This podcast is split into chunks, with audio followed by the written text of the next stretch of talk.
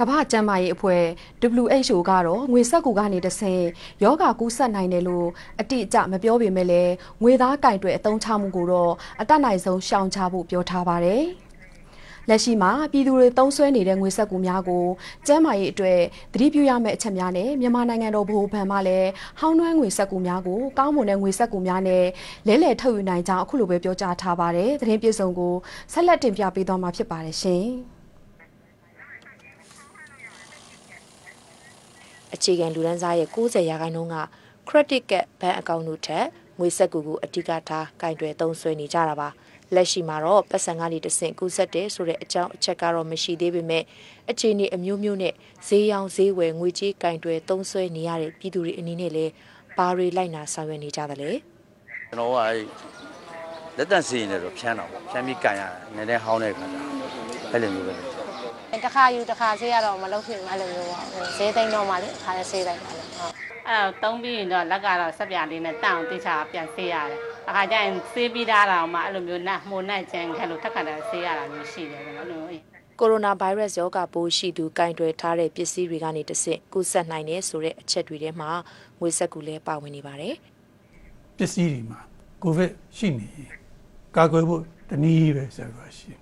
အဲ့ဒါတော့လက်ကို စက်ပြန်နေရေတန်းတန်းနဲ့စက္ကန့်20ဆေးကြပါဆေးကြပါဆိုပြီးတော့သိပညာပေးရတဲ့အကြောင်းရင်းကိုကဒီငွေစက်ကူလည်းပါတာပေါ့လေကိုဗစ်ကူးတယ်မကူးဘူးဆိုတာထက်ပေါ့နော်ဘာယောဂမဆိုကူးနိုင်တော့အလွယ်တကူကူးနိုင်တဲ့ယောဂပေါင်း200ကျော်ရှိတဲ့ကြောင့်မလို့ဒါကိုတော့အားလုံးသိချင်ရင်ပိုကောင်းမယ်လို့ဆရာတော့အကြံပြုချင်တယ်ဗဟိုဘဏ်ဥပဒေ68မှာပုံသဏ္ဍာန်ပြတ်တဲ့ငွေစက်ကူတွေကိုလဲလှယ်ထုတ်ပေးဖို့ပြဋ္ဌာန်းထားပါတယ်။ ငွေစက်ကူဟောင်းနှွမ်းရင်နိုင်ငံရဲ့ဂုဏ်သိက္ခာလည်းထိခိုက်စေတာမို့ဟောင်းနှွမ်းပြီးပုံစံပြတ်နေတဲ့ငွေစက်ကူတွေကိုအစ်စ်များဖြင့်လဲလှယ်ဆောင်ရွက်ပေးနေတယ်လို့ဗဟိုဘဏ်ရဲ့ငွေကြေးစီမံခန့်ခွဲမှုဦးစီးဌာနညွှန်ကြားမှုချုပ်ကပြောပါတယ်ဒီငွေဆက်ကူဟောင်းနှောင်းတာဒီတော်တော်လေးကြည့်ရဆိုတဲ့ကိစ္စမျိုးတွေဆိုရင်တော့ဟောင်းနှောင်းငွေဆက်ကူအနေနဲ့ဘန်ဒီကကျွန်တော်တို့ပြန်ပို့ပေးရပါတယ်။ဘိုးဘန်ကိုပြန်ပို့ပေးရပါတယ်။ဘိုးဘန်ကလည်းအဲ့ဒီကားတွေကိုလက်ခံပြီးတော့မှ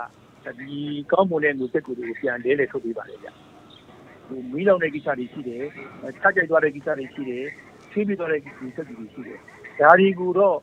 ဘိုးဘန်ကိုတိုက်ရိုက်နေရပါတယ်။အမောက်ပမာဏမှမရှိပါဘူး။လေးလေးပါတယ်ဒါတွေ။ဒီဘိုးဘန်အနေနဲ့ကတော့ကျွန်တော်တို့ကဒီအများပြည်သူထဲမှာဒီကင်ပြသုံးဆက်နေတဲ့ငွေဆက်ကူတွေဒီတစ်လွင်ကောင်းမွန်တဲ့ငွေဆက်ကူတွေဖြစ်အောင်ကျွန်တော်တို့ကကြိုးပမ်းဆောင်ရွက်နေပါတယ်